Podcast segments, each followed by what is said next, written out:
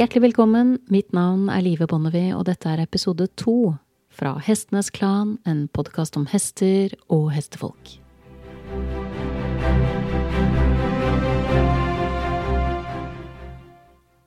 I hestemiljøet så er det få svar det er mulig å sette to streker under. Det er jo interessant, for vi har jo holdt på med hester i noen tusen år, men fortsatt er det altså slik at innenfor alle grener, metoder, systemer, tilnærmingsmåter og treningsfilosofier så finnes det ulike retninger, tolkninger og ikke minst ulike meninger.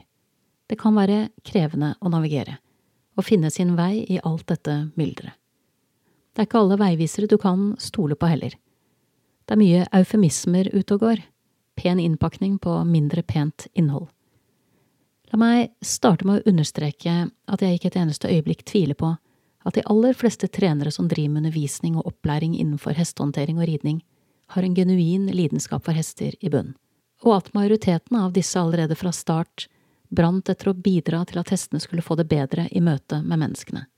Men noen av disse trenerne, også trenere som har vært svært toneangivende de senere årene, har helt klart gått seg litt vill underveis, og glemt hvor de kommer fra. Hvis man lener seg for tungt på rigide systemer og metoder i møte med hesten, er det min erfaring at blikket vårt blir hardere. Tilstedeværelsen i nuet blir svakere, og vår følsomhet for hesten og vår evne til å betrakte hver enkelt hest som et unikt, levende, følende individ reduseres betydelig. Å lære av trenere som lener seg for tungt på systemer de selv har designet, er ikke alltid det beste utgangspunktet hvis målet er å snakke med hester på hestenes eget språk.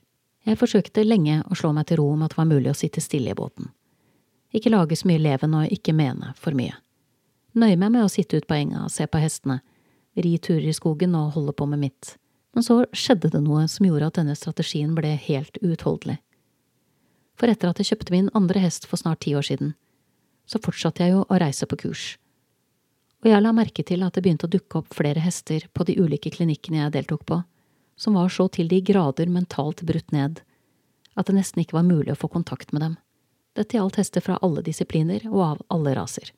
Med seg hadde de eiere som enten var der for å sette beistet på plass, eller eiere som følte at det var noe som manglet, noe som ikke rimte med drømmen de hadde om å ha en nær og dyp relasjon til hesten, og et samspill preget av balanse og enhet.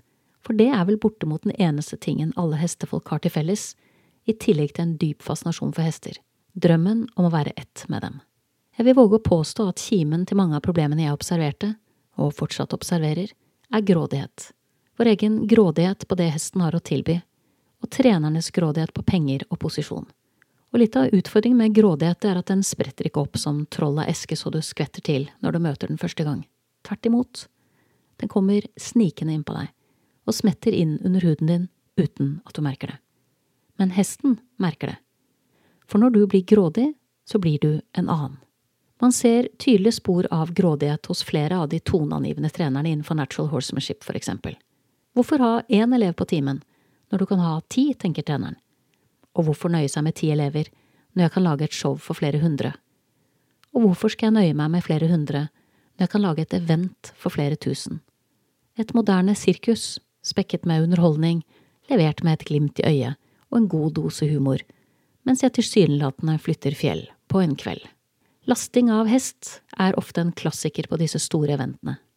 Hesten som deltar, er i utgangspunktet umulig å laste, men treneren får den til å laste seg selv inn på hengeren i løpet av en eneste økt. Publikum klapper begeistret fordi de føler de har vært vitne til noe magisk. I pausen selges det kanskje en spesiallaget grime som treneren selv har designet, og innsalget har vært overbevisende, så køen for å kjøpe grimen strekker seg opp mellom benkeradene. Eieren som fikk hesten sin lastet, kjøper også en.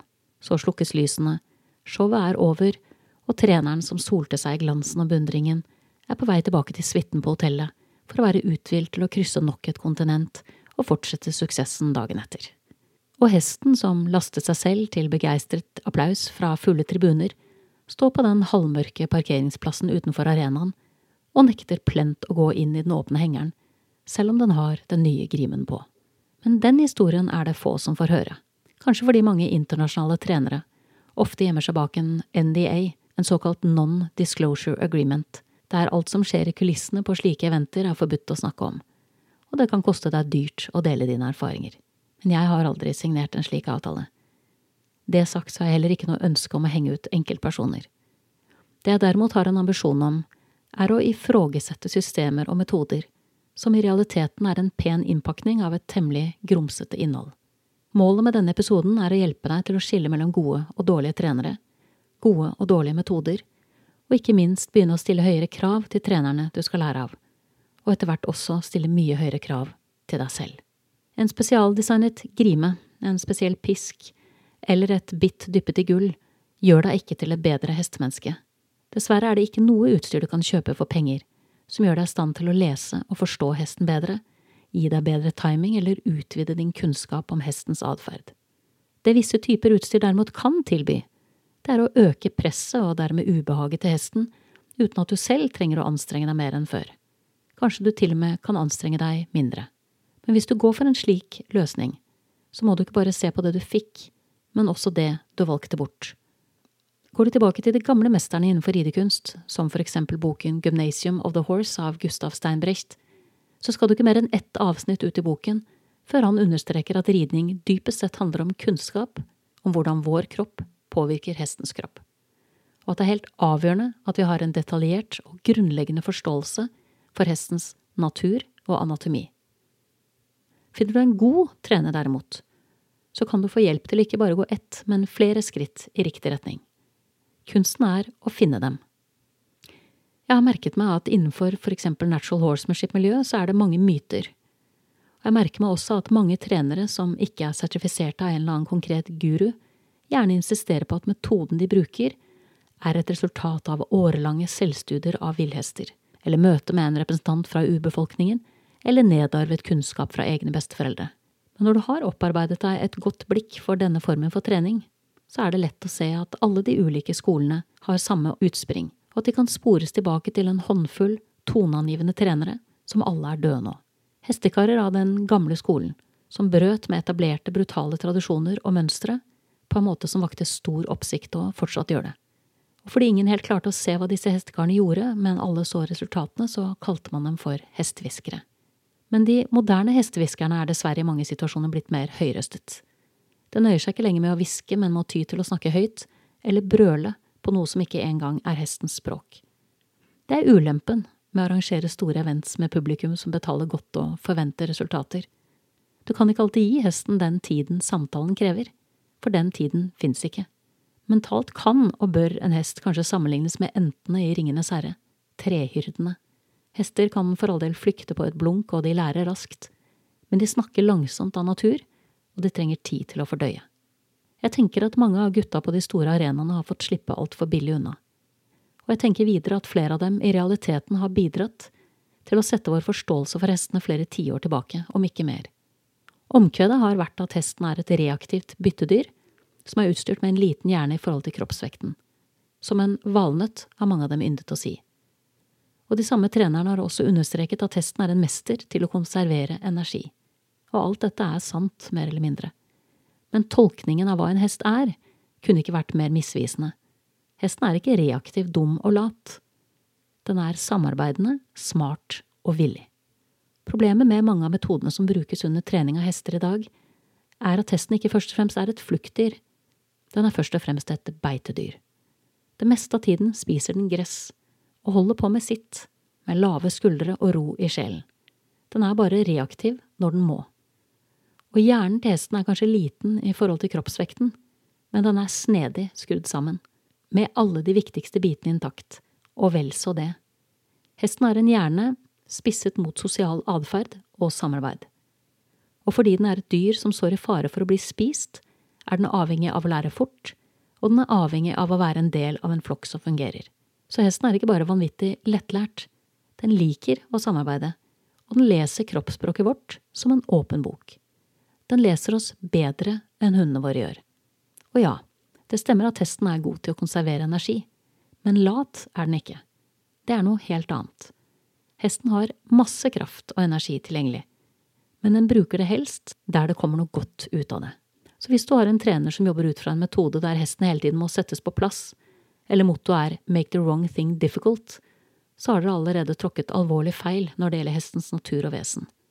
Det er ikke sånn hestene er skrudd sammen. Hvis man har en dyp forståelse for hva hester er, så vil målet for all trening være rettet mot å få rytteren på plass, og den vil videre være tuftet på mottoet Make the right thing easy. For hesten ønsker ikke bare fra naturen å gjøre det rette. Den liker det, og den vokser på det. Jeg må innrømme at det provoserer meg at trenere, ikke bare natural horsemanship-trenere, har blitt stadig bedre på markedsføring og innpakning, stadig bedre på å skjule at de ikke oppfattet det opprinnelige budskapet fra de gamle hestehviskerne, der viktige stikkord var tydelig, mykt og tålmodig. For et utrenet øye så kan det jo se ut som mannen med skjorte, lisseslips og cowboyhatt utfører magi og mirakler. Men hva du ser, og hva du går glipp av, er avhengig av din erfaring. Og hvis du lærer å se bedre etter, ser du ofte noe helt annet enn det du først trodde. Noen av trenerne innenfor National horsemanship opererer for eksempel med et system av såkalte leker, der du kan leke med hesten din, og det høres jo så tilforlatelig og fint ut, men at vi kaller noe for en lek, er ikke det samme som at det er en lek, særlig ikke for hesten, som svært ofte betrakter det som utspiller seg innenfor disse systemene, som blodig alvor. Det er en seiglivet myte at disse såkalte lekene vokser ut av en forståelse for hestens natur, atferd og behov, slik mange av disse trenerne påstår. De vokser nok snarere ut av menneskets ønske om å etablere ubetinget lydighet og kontroll, og er drevet fram av hestens aversjon mot ubehag, smerte og støy. Det er dessverre gode penger å tjene på folk som ikke har blikket og grunnforståelsen på plass. Men det er heldigvis aldri for sent å begynne å følge med litt bedre i timen. Jeg laget for mange år siden en serie med syv videoer som jeg kalte Seven Ways to Ruin a Good Ride, og jeg har ikke tenkt å gå gjennom en analyse av alle de syv elementene jeg tok for meg, men jeg nøyer meg med å trekke fram ett eksempel. En såkalt lek, eller øvelse om du vil, der hesten står med grime og leietau, og du skal sende hesten fra deg ryggende, for deretter å sveive den inn igjen. Så hesten skal først rygge ut av, og deretter inviteres tilbake inn i ditt personlige rom. Man blir ofte bedt om å gjøre seg større, bruke et litt innbitt blikk og ta en dominerende kroppspositur for å drive hesten ryggende bort fra seg, for deretter å lene seg litt frem, kanskje krype litt sammen, i et forsøk på å gjøre seg mindre, antar jeg, når man så skal invitere hesten tilbake inn. Det er litt pussig å invitere hesten inn med noe som til forveksling ligner på det et rovdyr ville gjort rett før det angriper, men uansett. Når hesten er kommet tilbake, så skal den sendes ut igjen, så det blir litt som en horisontal jojo som sendes bort fra hånden din, og deretter hentes tilbake. Målet er å oppnå dette med så små signaler som mulig, og man deler gjerne signalene som gis inn i nivåer. Det første nivået kan eksempel være å vifte litt med en finger, andre nivå kan være å riste litt svakt i tauet, tredje nivå kan være å riste litt hardere i tauet, mens fjerde nivå ikke har noen øvre grense for hvor hardt du kan riste, nøkke, rykke osv., for hesten skal gå bakover uansett. For å illustrere utfordringen med systemer som er bygget opp av definerte moduler og nivåer, skal jeg fortelle en historie. En sann historie om en hest jeg velger å kalle Ben. Ben hadde et handikap. Han hadde fått en alvorlig skade i det ene øyet og hadde blitt blind som resultat av det. Og i den videoen jeg nå skal referere til, så fremgår det veldig tydelig at Ben er en hest med få solide støttepunkter og mange bekymringer i livet. Han sliter også med at han, sikkert med gode grunner, har lite tillit til mennesker og det er en vindfull dag når opptaket finner sted, så det er mye å håndtere for en hest som ham. Ben føler seg overhodet ikke komfortabel, og han får ikke voldsomt mye av støtte av menneskene rundt ham heller. Så en av de viktigste tingene for Ben når det blåser, det er å overleve. Og siden han er blind på det ene øyet, så er han særlig sårbar. Så han prøver å koble ut menneskene så godt som mulig, så han kan få med seg andre viktige ting med det ene øyet han har igjen, som fortsatt virker. Eieren starter med leken som beskrevet, men hopper mer eller mindre over nivå én og langt på vei nivå to. I stedet kommer han ganske raskt til nivå tre, og er noen ganger vilkårlig innom noe som ligner veldig på nivå fire. Og noen ganger går Ben litt forover, og noen ganger går Ben litt bakover. Men eieren følger ikke med på beina til hesten sin, så Ben får jo begrenset med hjelp til å dekode hva han har forventet å gjøre. Så kommer treneren til, og ber etter noen mislykkede forsøk på å veilede om å få lov å ta over, og da går det relativt kjapt opp til nivå fire for å sette seg i respekt med en gang, som det heter. Og så legges det til et eh, nytt element, et kraftig rykk i taugrimen. Dette rykket treffer den følsomme neseryggen til Ben og forplanter seg ned gjennom de syv halsvirvlene hans, og videre ned gjennom hele ryggraden og gjennom krysset og like ut i tuppen av halen. Jeg vil anta at Ben veier rundt 600 kilo. Men nøkken i grimen er altså så harde at de følger skjelettstrukturene gjennom hele kroppen hans, så vi er definitivt på nivå fire. Men Ben går ikke bakover. Treneren nøkker hardere og hardere, og den lille metallkroken mellom taugrimen og leietauet slår med jevne mellomrom opp i haken til Ben med et smell, men Ben går fortsatt ikke bakover. Det eneste som virkelig beveger seg nå, er hans allerede skyhøye adrenalinnivå, og det er på vei videre opp. Så bytter treneren strategi, og begynner å drive Ben rundt seg isteden, både fra den siden han kan se, og på den siden han er blind. På den siden der øyet virker, så kan han se tauet før det treffer ham, og kjenne smerten. På den blinde siden, derimot, så kjenner han bare at han får vondt uten at han skjønner hvorfor. Det er ikke lett å følge de valgene som tas av treneren i denne videoen, men det er veldig lett å se at det mangler noen vesentlige brikker når det gjelder kunnskap om hester. Og så blåste det også opp til storm da dette klippet nådde til hestefolk utenfor trenerens etablerte menighet, hvor ord som mishandling og overgrep med rette ble brukt av flere. Og stormen ble ikke mindre da det viste seg at klippet ikke var filmet i smug fra en busk, men inngikk i en DVD som undervisningsmateriell fra den aktuelle treneren selv. Da eksploderte det på sosiale medier, og treneren ble tvunget til å komme med en uttalelse men denne uttalelsen ble ikke brukt til å beklage. Snarere tvert imot. Treneren påpekte belærende at klippet var tatt ut av kontekst, og at det ikke var mulig for folk som ikke var til stede den aktuelle dagen, å gjøre en god vurdering av hva som faktisk foregikk.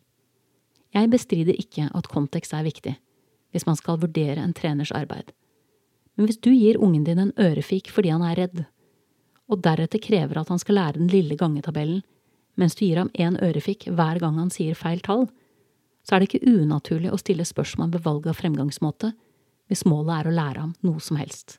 Så kan man selvfølgelig også innvende at klippet er gammelt, og at metoden og systemet som ligger til grunn for det som utspilte seg, har utviklet seg mye siden den gang, og at alle kan ha en dårlig dag.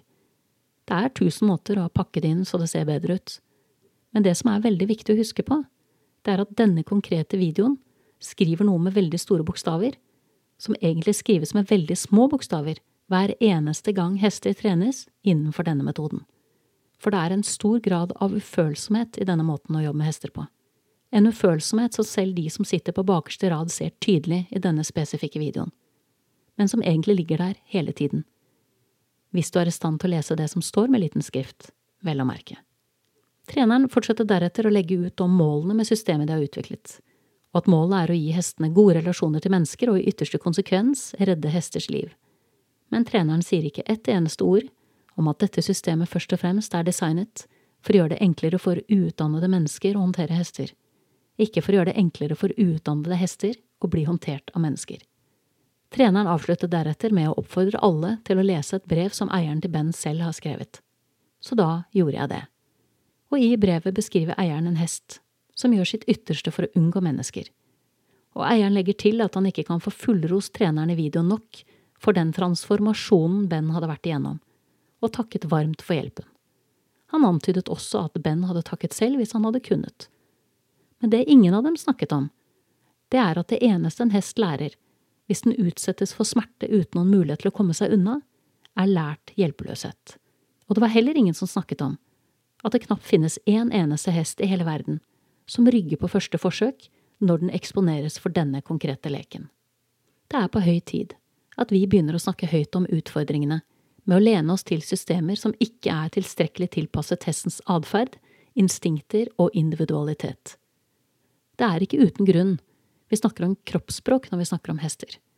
For hester møter ikke hverandre ansikt til ansikt, sånn som vi gjør. De møter hverandre kropp mot kropp. Ved å stille seg tett inntil hverandre, bøye nakken og utveksle hverandres pust. Alle rovdyr retter seg også mot hestens kropp, så når vi retter energi mot hestens hode og venter å få respons, så må vi være klar over at vi trolig er det første som noen gang har gjort det. Hesten har ingen forutsetning for å håndtere energi rettet mot hodet. Den aner rett og slett ikke hva den skal gjøre med den. Det neste punktet jeg tenker det er viktig at jeg snakker om, det er at det er en kjent sak at bakkearbeid danner fundamentet for ridning.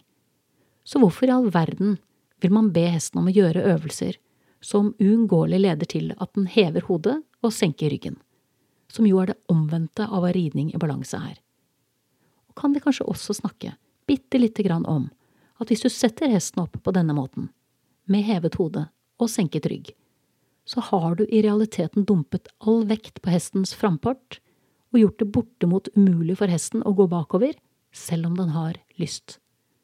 Med dette som bakteppe så må jeg bare være ærlig på at det for meg er en stor gåte at trenerne, som er arkitektene bak den leken som beskrives her, velger å omtale dette som atferdsbasert hestetrening, og refererer til seg selv som atferdsspesialister.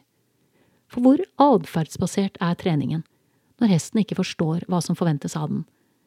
Og med hvilken rett kan man påberope seg å være atferdsspesialist når man mangler grunnleggende forståelse for hestens eget språk, og dessuten er ute av stand til å avlese svarene som kommer fra hestene selv? Hester som drilles gjennom rigide læringssystemer, uten individuell tilpasning, tar skade av det, både mentalt og fysisk. Skader etter bitt og sporer, eller synlig arrdannelse på nesryggen etter taugrime i form av en hevelse under huden som aldri forsvinner, er langt fra uvanlig. Mange hester ender opp som mentalt avslåtte roboter, trent til å reagere, men ikke til å respondere. Og det er ikke det minste merkelig at mange opplever at de fungerer bedre sammen med hesten sin etter å ha jobbet innenfor slike systemer. Man blir jo brått sikrere på rekkefølgen og fremgangsmåten i alt man gjør. Og hester er trygghetssøkende dyr, som trives med forutsigbarhet, og de lever tålelig godt med et system som har klare mangler, så lenge det er konsistent og mulig å navigere etter. Det skal også sies at slike systemer gjør mye mindre skade der eieren av hesten har et solid fundament og en god timing i bunnen. Det samme kan sies om trenere som formidler denne måten å trene hest på.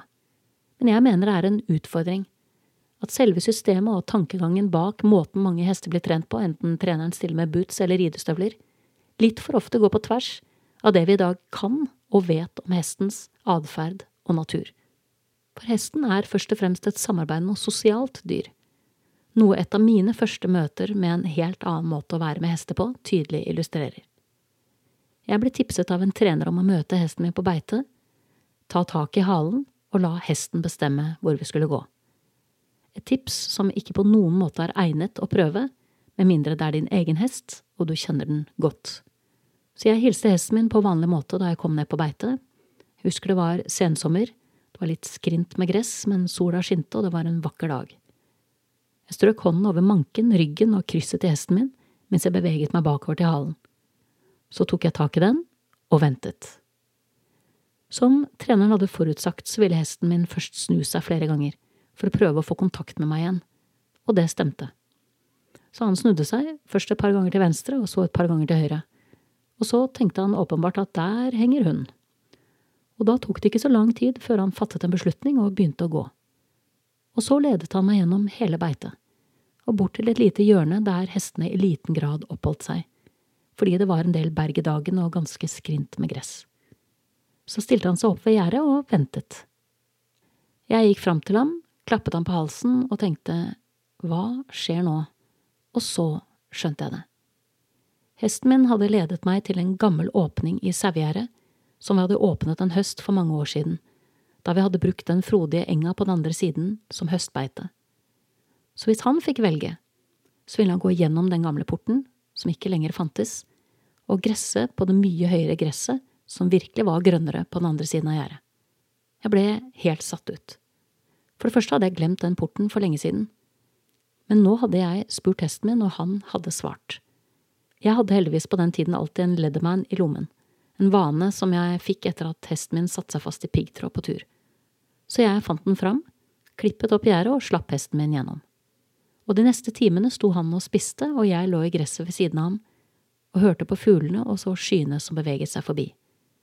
Og da jeg slapp ham ut på beite igjen til de andre hestene, og gikk til bussen den dagen, så hadde forholdet mitt til hester forandret seg for alltid. Derfor denne podkasten. For å bidra etter beste evne til å minne folk om hva hester er, hvordan man best holder dem, håndterer dem og rir dem. Ikke bare ved å dele av mine egne erfaringer, men vel så mye ved å dele andres. For jeg fant ikke ut det jeg kan om hester i dag på egen hånd. Jeg fikk god hjelp underveis, av folk som delte sin kunnskap med meg inspirerte meg og utfordret meg. Hestens natur er å samarbeide, og det er å komme overens. Så hvis hestene våre ikke samarbeider, eller ikke kommer overens, så er det vårt hele og fulle ansvar. For hvis det er noe som skjærer seg i relasjonen mellom oss og hestene, så er det svært sjelden det er hesten det er noe galt med. Det er stort sett alltid oss. Du har nettopp hørt episode to fra Hestenes Klan, en podkast om hester og hestefolk. Takk til min faste komponist Fredrik Blom, og sist, men ikke minst takk til deg, kjære lytter, for tålmodigheten. Måtte hesten for alltid være med deg.